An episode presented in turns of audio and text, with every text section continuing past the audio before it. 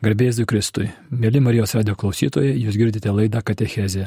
Tęsėme paskaitų ciklą Dvasinės ekologijos, bibliniai ir teologiniai pagrindai, kurį vedu aš, Katalikų teologijos fakulteto dėstytojas Artūras Lukaševičius.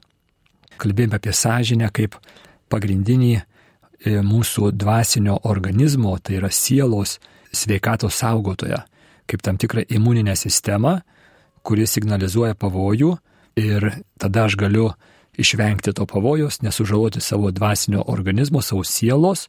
Ir žvelgime į žmogų kaip kūno ir sielos vienovę, kaip materialaus kūno ir dvasinės sielos vienovę, du organizmai, jie nėra taip atskirti kažkaip tais viens nuo kito atskirai, bet, bet jie sudaro tam tikrus junginius. Ir tada galima kalbėti apie žmogaus e, psichologiją, psichiką, dvasę ir sielą atskirai, širdį ir daugybę kitų tokių e, mūsų realijų vidinių. Bet katekizmas sako, iš esmės žmogus yra dviejų pradų - yra materialaus kūno ir dvasinės sielos vienovė, junginys tam tikras. Ir e, dvasinė ekologija žvelgia į žmogų kaip integraliai, kaip tą junginį, vienovę ir mato, kad mūsų organizmai, mūsų fizinis kūnas turi savo dėsningumus, juos pažeidus jisai susirga ir mūsų dvasinė siela turi savo dėsningumus, juos pažeidus jinai susirga. Tai čia būtų ta mūsų prieitis ir dabar žvelgime į sąžinę kaip tą balsą, Dievo balsas manyje, padedantis man atpažinti, kas yra gera, kas yra bloga, tai yra objektyviai egzistuojančią moralinę tvarką, objektyviai egzistuojantį dvasinį pasaulį, kuriame aš dalyvauju kaip siela turintis, kaip, kaip dvasinis dvasinė būtybė, žmogus, dalyvauja visų pirma per savo moralinius pasirinkimus. Ir aš galiu e, tą tvarką manie esančią pažeisti. Ir pažeidus tą tvarką, e, mano siela susirga. Lygiai taip pat kaip pažeidus fizinio kūno mytybos, ar ten reguliaraus miego, ar kokius kitus dėsningumus, mano kūnas pradės, pradės nesveikuoti, pradės sirgti, lygiai taip pat ir mano dvasinė siela gali susirgti, kadangi gyvename labai, labai daug psichologinių problemų turinčiame pasaulyje, e, graikiškai psichė, siela, e, matome, kad čia bus sąsajos tarp šitų dalykų. Na štai žiūrime į sąžinę ir praeitą kartą pradėjau kalbėti apie neteisingas dvi sąžinės formas, kai tas manyje esantis balsas gali net pažinti objektyviai egzistuojančios tos tvarkos ir rigoristinė sąžinė mato problemas ten, kur jų nėra, o laksistinė sąžinė nemato problemų ten, kur jos yra ir žmonės tiesiog daro savo kenkiančius dalykus, paskui patiria nerimą, gyvenimo beprasmybės jausmą, susižaloja. Ir dabar pasižiūrėkime, kaip susiformuoja ta laksisinė sąžinė, kaip mes ją nutildome. Tai visų pirma, sąžinė nutildo pasirinkimas jos neklausyti. Kodėlgi mes tai pasirinktume jos neklausyti, nes sąžinės klausyti yra sunku. Jis reikalauja, kad mes apribotume savo apetitus, pripažinimui valdžiai malonumams, tam PVM-ui, jinai reikalauja, kad aš statyčiau save į pavojų, kai reikia padėti kažkam tai, ar kad rizikuočiau savo gerbuviu ir nemeluočiau, nevokčiau ir panašiai. Tai reiškia, jinai reikli ir už tai aš būsiu linkęs ją nutildyti. Tai mano kaip puolusio žmogaus, visi mes esam puolę, atsiskiria nuo Dievo, polinkis bus sąžinę nutildyti. Ir nutildant sąžinę susiformuoja įprotis blogai elgtis. Formuojasi įprotis, kuris jau yra pavojingesnis negu tik tai veiksmas, nes reiškia jau, jau sąžinė tyliau kalba arba net ir visai nutildyta yra. Ir galime prisiminti kokį nors atvejį, kur galbūt vaikystėje, mokykloje, klasėje mes pasirinkome, pavyzdžiui, neužstoti skriaudžiamo klasės draugo koks nors vaikas buvo galbūt silpnesnis ar socialiai sudėtingesnės situacijos ir galbūt buvo patyčios. Ir prisiminkime tą jausmą, kai mes padarėm apsisprendimą jo neužstoti, o galbūt atvirkščiai padarė sprendimą užstoti. Ir prisimena tą jausmą, kad štai aš rizikuoju, nes tikriausiai, reiškia, patyčios ir man tada teks ir aš stoju į skriaudžiamojo pusę. Tai va tas, tas mūsų pasirinkimo darimas yra tai, kas kas nutildo sąžinę, arba atvirkščiai jinai tampa dar, dar tokia žvalesnė, dar aiškiau kalbanti. Yra toks posakis, sako, sunku nužudyti tik pirmą kartą. Paskui jau tampa tik tai, kaip sakant, įpročiu. Tai štai tas reiškia, tas įprotis blogai elgtis yra tai, kas nutildo mano sąžinę. Netvarkingai ar egoistiškai saugodami save nuo skausmo iš neigiamos pusės ir siekdami malonumo iš teigiamos pusės, mes pasirenkame nutildyti sąžinę ir per tai nustojame gebėjimu dalyvauti labai svarbiuose dvasinio gyvenimo elementuose. Tampame pusiau tokiais numirusiais, pusiau gal apmirusiais tiksliau. Ir kodėl mes pasirenkame būti truputį mirusiais? Mažiau skauda. Ir galim, pavyzdžiui, prisiminti kokį nors filmą ar knygą skaityti apie sovietmečio pradžios partizanų sunkumus ir kolaborantų sunkumus. Vieni turi sunkumų, iškia, kovodami prieš blogį, o kiti bendradarbiaudami su blogiu. Vieni rizikuoja savo gyvybėmis, o kiti jaučia, kad jie klimsta į, į beprasmį tegul ir sotesnį gyvenimą. Toks posakis irgi yra, ar geriau puotauti su priešais, ar vargti su draugais. Tai čia irgi sąžinės klausimas, nes pasirenkame arba turėti sunkumus kylančius iš to, kad aš klausau sąžinės ir pasirenku tikrą gyvenimą, pilną gyvenimą, pilną kraują gyvenimą, ar aš nutildau sąžinę ir pasirenku tokį pilką, beprasmį gyvenimą. Abiem atvejais skaudės. Vienu atveju tas skausmas bus prasmingas, kitu atveju tas skausmas bus to, to pilko, beprasmio gyvenimo skausmas. Sažinę nutildo arba iškreipia blogas auklėjimas. Kai vaikystėje vaiko blogi pasirinkimai nesusijęjami su jau bundančiu sąžinės balsu. Vaikas kažką tai gal nuskriaudė kitą vaiką, pastumė, atimė žaislą, e, galbūt kokį obulį pavogė turguje arba iš kaimyno sodo. Ir auklėjimas turėtų parodyti vaikui, kad čia yra blogai. Taip elgtis negalima, tai yra ribos tam tikros, objektyviai egzistuojančios ribos. Iškia, mūsų auklėjimas nesukuria sąžinės, bet jisai lygiai taip pat kaip mūsų aritmetikos, matematikos mokymasis pradinėje mokykloje nesukuria daugybos lentelės, bet jis padeda atpažinti realiai egzistuojančius matematinius dėsningumus, kurie paprastoj formų išreiškime daugybos lentelę ar ten kitom formulėm, kokiom Pitagoro teorema ir, ir panašus dalykai ir reiškia matematika tų dalykų nesukuria. Jis mano protą išmoko atpažinti jau egzistuojančią tvarką. Tai čia panašiai tas sąžinės ūkdymas vaikystėje turi vaikui padėti atpažinti tą tvarką, kuri realiai egzistuoja, kurią jisai nujaučia ir auklėjimas turi ją, tą, tą teisingą nuojautą sustiprinti, o nesusilpninti. Trukdo, kas dar, kas dar reiškia formuoja tą tokią iškreiptą, nutildytą sąžinę. Iš esmės pastovus pasinerimas į masinę kultūrą yra tai, kas labai stipriai tildo, nutildo sąžinę. Ta masinė kultūra nuolat mums kaip madingas arba naujas arba mokslinės siūlo įvairiausiamis formomis netvarkingai siekti pripažinimo valdžios ir malonumų PVM. Iškia, tas pastovus pasinerimas ir mes gauname įvairiausiais pavydalais, įvairiausiais veidais, iškia, dažniausiai labai tokius egocentriškus pasiūlymus, siekti pripažinimo valdžios malonumo kaip tai, kas mus padarys laimingus. Ir be abejo, reikės didelių dozių šitų dalykų. Ir sąžinė, kuri tas ribas e, signalizuoja, turės būti nutildyta.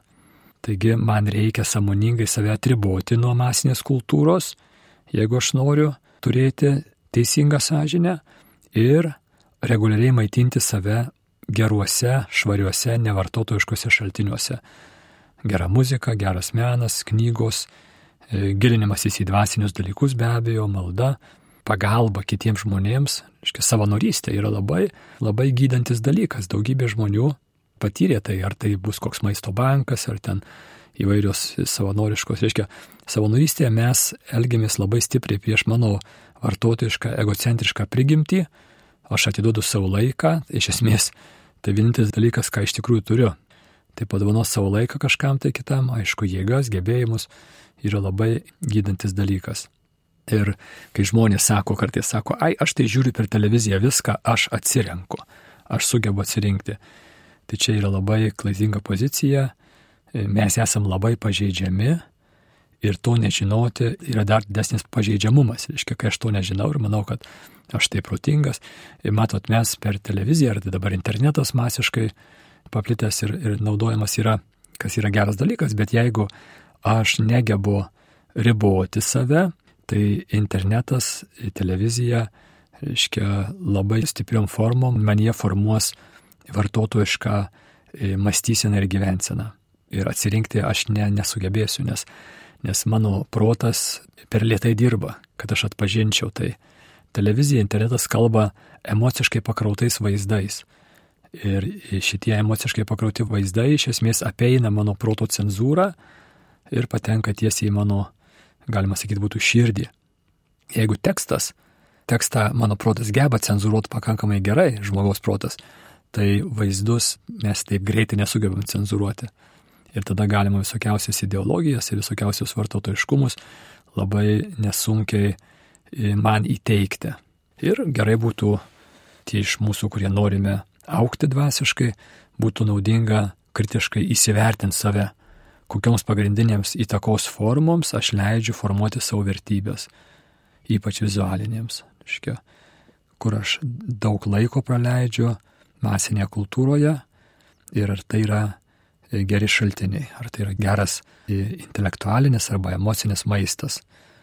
Nes jeigu žmogus maitinasi dvasiniu maistu, ar tai, ar tai vaizdais, ar tai jausmais, reiškia tokiais niekiniais, tuščiais, tai nekeista, kad po kurio laiko gyvenimas tampa tuščias. Žmogus sako, nu mano gyvenimas toks labai tuščias yra. Tai jeigu tu maitinėsi tuštybėmis, tai tada nekeista, kad ir gyvenimas tampa tuščias. Mes esame tai, ką mes valgome. Čia tas principas galioja ir dvasiniai plotmiai. Dabar, kaipgi tą teisingą sąžinę reikėtų ugdytis, Tai visų pirma yra apsisprendimas paklusti sąžinės balsui. Pirmiausia, aš turiu padaryti šitą apsisprendimą, kurį paskui reikės įgyvendinti reguliariai. Reikės įgyvendinti tą apsisprendimą, bet iš esmės viskas prasideda nuo apsisprendimo, kad aš stengsiuosi išgirsti ir kai išgirsiu, paklusiu sąžinės balsui. Tai čia tas raktinė, pamatinė laikysena, kuri pakeičia tą žalčio man įsiūlytą kur aš pasidaviau pagundai, laikysena pačiam spręsti, kas man gera ir kas man bloga. Ne, aš paklusiu Dievo tvarkai, Dievo valiai, Dievo amžinajam įstatymui. Paklusiu, aš ne pats spręsiu, tai čia būtų paklusti sąžinės balsui, raktinis. Ir aišku, paskui reikės tą apsisprendimą įgyvendinti, bet nuo šito reiktų pradėti. Tada toks klasikinis būdas, kaip tą sąžinę ugdytis, būtų reguliari sąžinės peržvalga, pavyzdžiui, vakare, skirti 2-3 minutės. Jeigu daroma reguliariai, daugiau nereikia. Iš esmės, reiškia, mes, mes atpažįstam pagrindinius momentus gana greitai, kur šiandien prasilenkiau su Dievo valia ir, ir dėlėtų save pagirti už tai, kur aš paklusau, atpažinau Dievo valią šiandien. Tokia trumpa reguliari sąžinės peržvalga būtų labai e, ugdantis dalykas. Ir labai svarbu sąžinė ugdyti yra pokalbiai su dvasiškai labiau patyrusiu žmogumi. Apie savo moralinius pasirinkimus su labiau patyrusiu žmogumi. Tas klasikinis terminas dvasios tėvas, dvasios motina, dvasios vadovas, palydėtojas būtų tas žmogus, kuris padeda man atpažinti savo moralinių pasirinkimų vertę. Tai ypatingai svarbi teisingos sąžinės ūkdymo forma. Kartai žmonės sako, o kaip čia yra, kad, kad daug žmonių sakosi, kad elgesi pagal sąžinę ir daro visiškai moraliai priešingus dalykus. Ir tikrai tas klausimas, ką daryti, jeigu sąžinė nuoširdžiai klysta ir žmogus yra įsitikinęs, kad jis teisingai elgesi, tai ką dabar jam daryti? Nu ir atsakymas yra tikrai taip, kad sąžinė yra tas mūsų, tas mūsų galutinis arbitras, tas balsas, kuriam mes privalom paklusti, bet čia labai svarbi sąlyga, jeigu jinai yra tikra sąžinė. Tikra sąžinė tai reiškia, aš esu įsitikinęs, kad tai yra teisingas sprendimas. Var iš to vietoje labai aiškus skirtumas yra tarp tos įsitikinusios sąžinės, kuri, kuri nėra lengvai pasiekiama. Tai įsitikinusi sąžinė, kelias į ją yra sunkus ir ilgas. Žmogus tam, kad turėtų šitą tokią sąžinę, jisai turi ieškoti, jisai turi domėtis, jisai, jisai turi klausti savęs, ar tikrai mano sąžinė teisinga. Ir jeigu turiu kokių nors ženklų, kad klystu, tai tada toks žmogus klausinės autoritetų, skaitys knygas ir jisai negali tiesiog numoti ranką ir sakyti, ai, man taip atrodo. Tai va čia, jeigu man taip atrodo, tai tada čia nėra tikra sąžinė, čia yra savivalė. Tai va didžiulis skirtumas tarp klystančios tikros sąžinės, įsitikinusios sąžinės ir savivalės. Savivalė tai yra žmogus, kuriam iš tikrųjų nerūpi, jisai nesidomi, e, jam rūpi savo paties valios vykdymas ir tada šitą savo šitą paties valios vykdymą jisai gali dangstyti savo sąžinę. Bet kaip sakau, tas žmogus, kuris iš tikrųjų klysta, sažiningai klysta, tikrai yra atvejų, istoriškai žinomų, gana garsių atvejų, tai tas žmogus nuolat rūpinsis pasitikrinti, pasitikslinti, reiškia, jisai gilinsis į tą sritį. Sažinė nuolat save tikrinasi, ar tikrai, ar tikrai jinai yra teisinga ta sąžinė. Tai o atskirkim tą e, žmogų, kuris, reiškia, nepakaltinamai klysta, nu jam tikrai nuoširdžiai taip atrodo. Yra buvę garsių ateistų, kurie šitą poziciją užėmė, pavyzdžiui, susidūrė su labai nedoru krikščionių elgesiu, e, būna taip. E, ir tas žmogus, reiškia, nu jis įsitikinęs yra, kad tikrai, tikrai tikėjimas yra, yra nesąmonė ir, ir, ir, ir sažiningas žmogus turėtų jį atmesti. Tai va tokią poziciją turim labai atskirti nuo, nuo tų žmonių, kurie nesidomi, neieško, o tiesiog lengvabūdiškai savo norus, savo savivalę dangsto sąžinę. Tai nebūtų jokia sąžinė ir, ir reiškia, du labai skirtingi dalykai. Tas intelektualinis sažiningumas, ta nuostata paklusti tiesai, kaip iš tikrųjų yra. Šventas raštas aprieškimo Jonui knyga kalba apie tai, kad būkime arba karšti, arba šalti. Bet jeigu tu esi toksai nei šioks, nei toks, jis reiškia, pasisuki kaip vėjo vėtrungį į tą pusę, iš kurios pusės vėjas pučia, tai va tada yra problema. Toks gana garsus atvejis yra amerikietis žurnalistas, įstikinęs ateistas, Lee Strobel, dar gyvas jisai yra, jau dabar vyresnio amžiaus žmogus, buvo tikrai jo, jo gyvenime, jo šeimoje tokia drama, jie abu su žmona buvo įstikinę ateistai, prieš kokį 50 metų maždaug tas įvyko. Ir žmona ten per tokią nelaimę susiduria su tikinčiais krikščionimis ir patikė, tampa krikščionė. Ir tada vyras, Ly, jo vardas, jisai, jisai buvo toksai nuoširdus ir doras ir, reiškia, ateistas įstikinęs. Jisai mano, kad krikščionybė yra tiesiog numelas, tiesiog, tiesiog kažkokia tai lyga ir jisai e, labai pergyvena, net skirtis nori ir vieną savaitgalį jisai pasako žmonai, sako, aš vas skirsiu visą savaitgalį ir aš ištirsiu tą reikalą ir parodysiu, kad tai yra netiesa, moksliškai ištirsiu.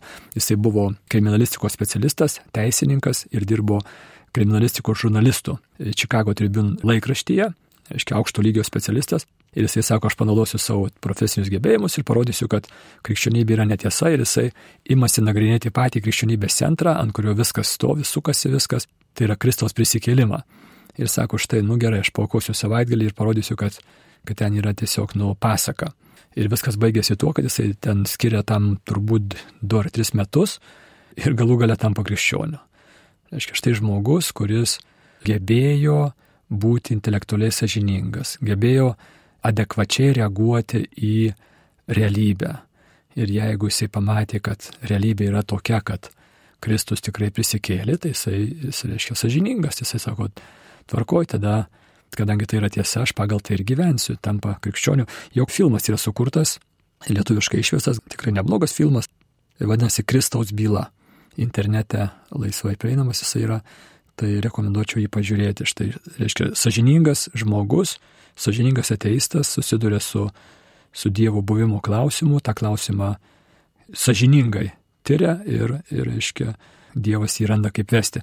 Kitas garsus atvejis yra e, gydytojas, e, gynekologas žydų tautybės Bernardas Natansonas, vienas iš abortų įteisinimo entuziastų, e, lyderių to judėjimo Junktinėse valstijose. Jisai įkūrė abortų lygą Junktinėse valstijose ir jie įteisino abortus 7-8 dešimtmečiuose, dirbo stipriai ir įteisino abortus. Ir jisai pats tuos abortus darė, ateistas buvo žydų, žydų kilmės ateistas, jis darė daug abortų, e, po 20 per dieną. Ir jo klinika buvo tokia pirmaujanti, jie turėjo gerą aparatūrą ir jie nusiperka vieną iš tų prietaisų tuo metu tik atsiradusių, ar tai buvo echoskopas, ar, ar kuris iš ten tų prietaisų, nežinau, neatsimenu, bet, reiškia, jie nusiperka ir su kolega jie, e, reiškia, juokaudami sako, pažiūrėkime, kas darosi aborto metu. moters, moters iščiuose. Ir tai, kai jie pamato, iški rezultatas buvo tas, kad jo kolega prisiekė, čia pat prisiekė daugiau niekad gyvenime nedaryti aborto, o Bernardo Natsansono prasidėjo didžiulė krizė gyvenimo, kuri baigėsi tuo, kad jis tapo vienas iš pačių stipriausių, didžiausių lyderių kovos už gyvybę judėjime ir, ir galų galę tapo krikščionių kataliku. Tai, tai va irgi žmogus, kuris buvo sažiningas. Jisai sažiningai manė, kad ten nieko nėra ir ten abortas yra tiesiog, nu, kaip apendicito pašalinimas ar panašiai, kažkoks tai gleivių gnužulėlis pašalinamas ir kai jie pamatė realybę, jis buvo sažiningas adekvačiai į tą realybę reaguoti ir keisti savo mąstymą ir gyvenimą. Tai va čia va būtų žmonės, kurių sąžinė buvo tikra sąžinė, tai yra įsitikinusi sąžinė, jie gyveno pagal sąžinę ir ta sąžinė juos nuvedė teisingų kelių. Realybė, o tiksliau sakant, realybės autorius, kuriejas, Dievas, kalbėdamas jiems per realybę, rodė jiems tiesą ir nuvedė teisingų kelių.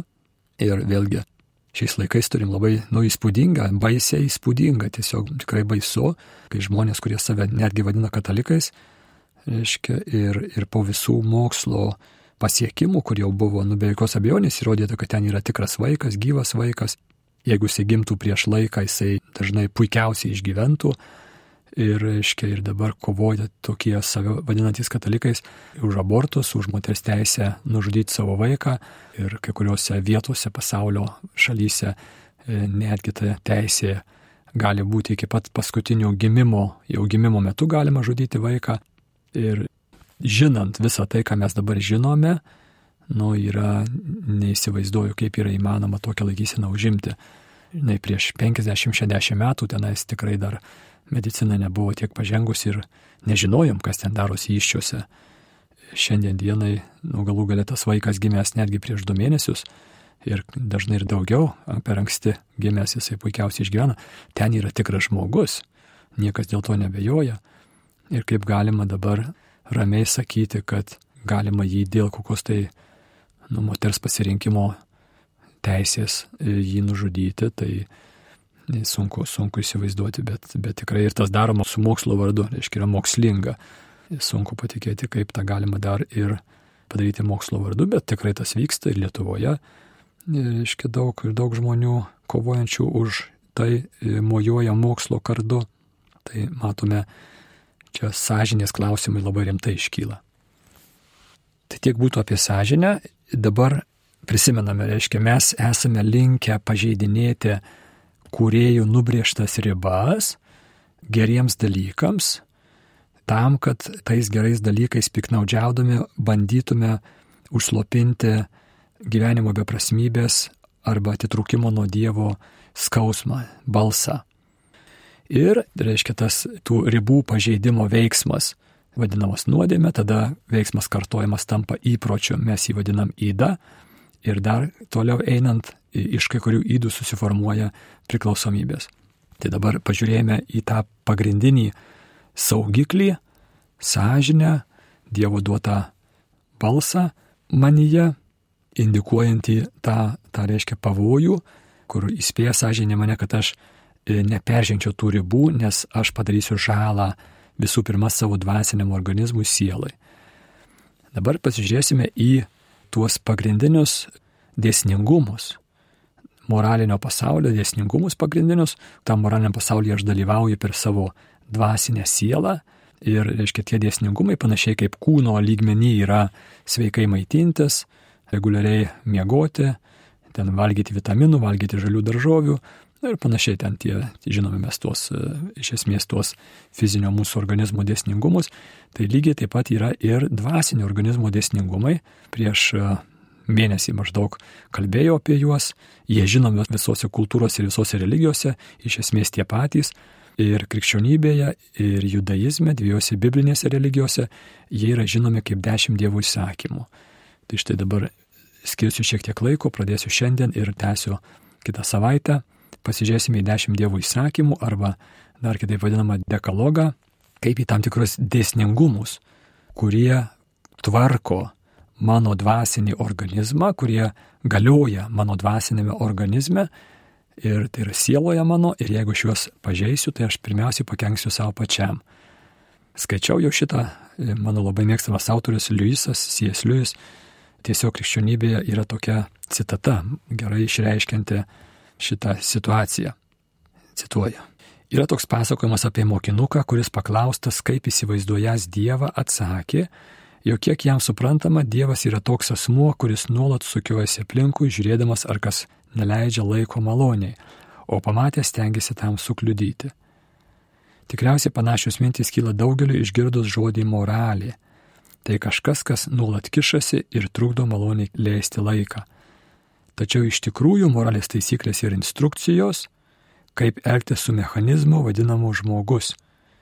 Kiekviena moralės taisyklė yra tam, kad užkirstų kelią mechanizmo gedimui, deformacijai ar trinčiai. Citatos pabaiga.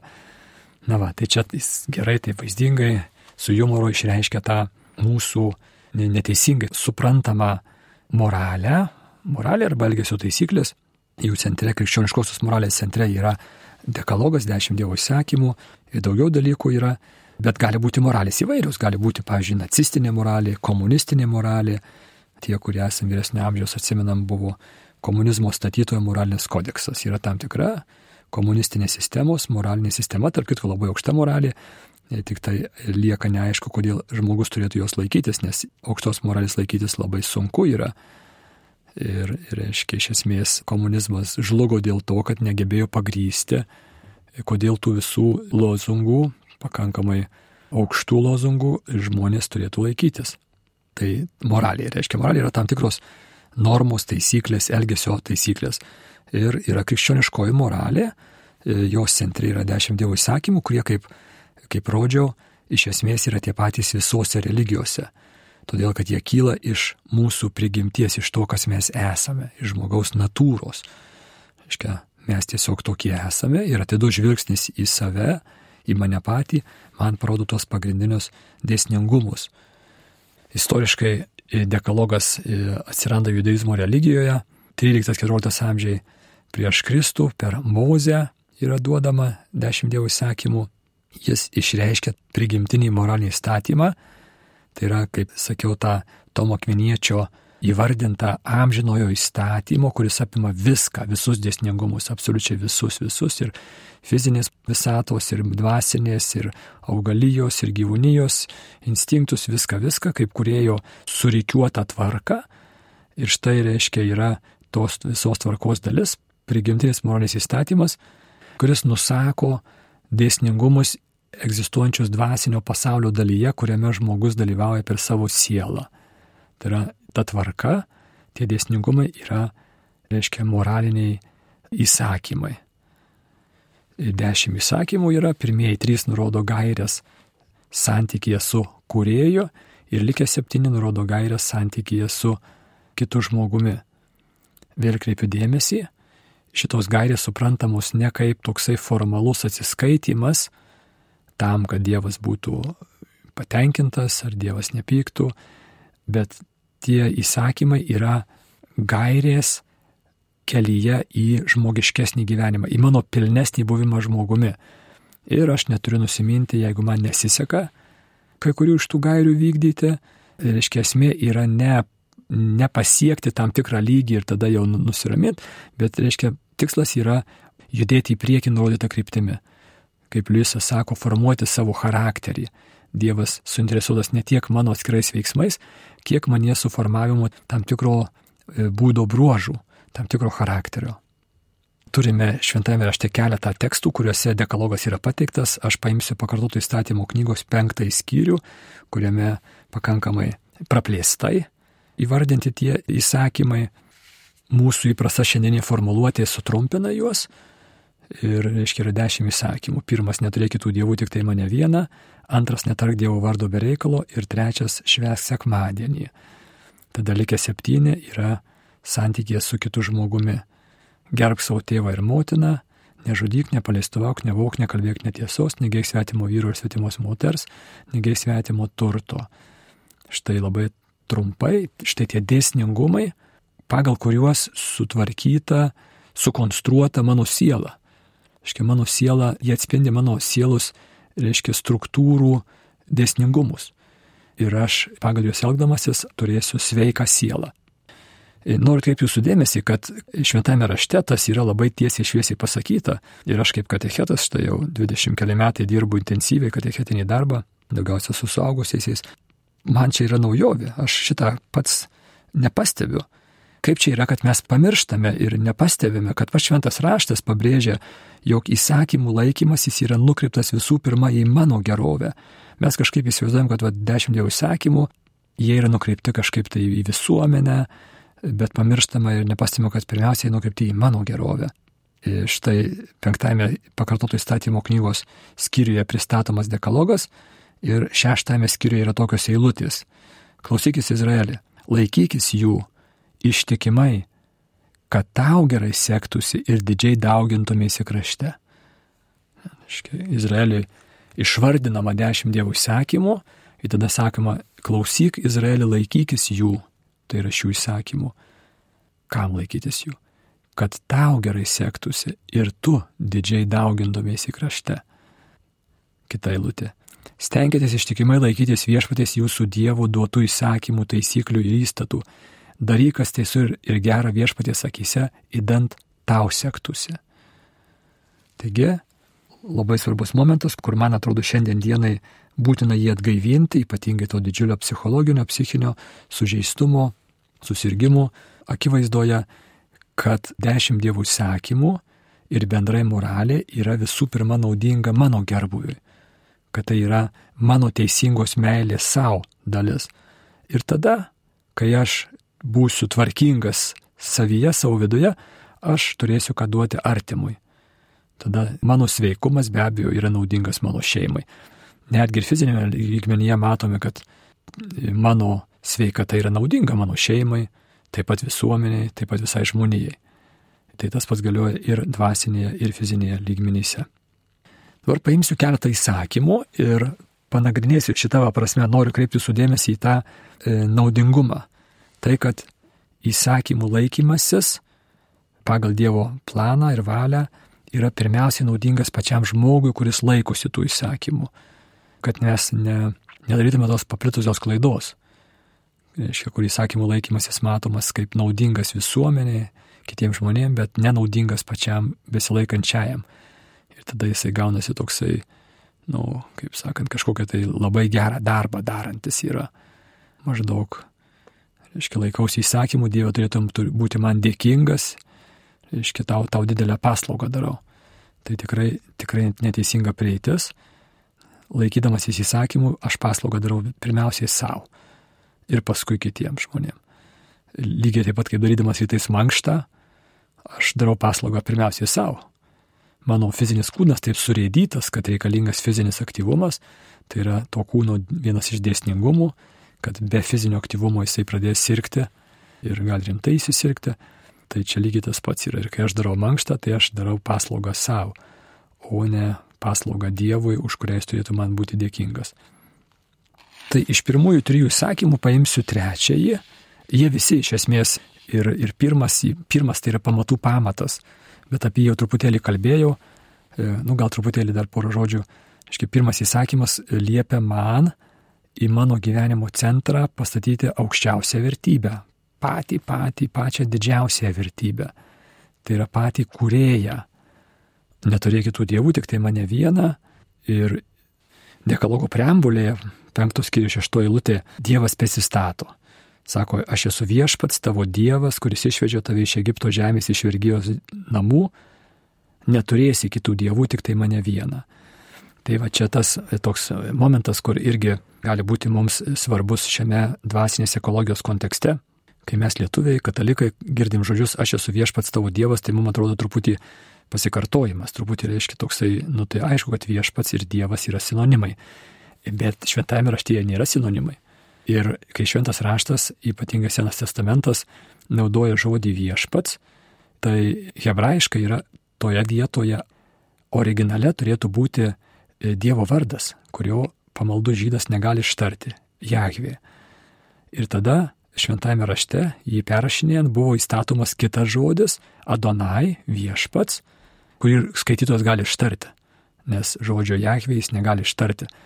Tai reiškia, kai mes randame viešpats, tai mintyse galim toje vietoje įsistatyti žodį Jahvi. Taigi jisai skambėtų tada prisistatymas, aš esu Jahvi, tavo Dievas, kuris išvedžio tave iš Egipto žemės, iš vergijos namų. Aš esu Jahvi, tavo Dievas Izraelė. Problema yra ta, kad yra daug dievų. Kitos tautos turi kitus dievus. Kaip gali būti daug dievų? Nu štai, reiškia, tautos turi savo dievaičius įvairius ir Senam testamente minimi tautų dievaičiai. Tai mes teisingai suprasime tą mintį, kuri čia perdodama vietoj žodžio viešpats įsistatydami konkretaus Dievo, kurėjo, būties davėjo, Jahvės vardą. Ir, reiškia, vietoj žodžio Dievas, kai kalbam apie tautų dievaičius, įsatysime žodį aukščiausiai vertybė. Tai yra, kas yra tavo aukščiausiai vertybė.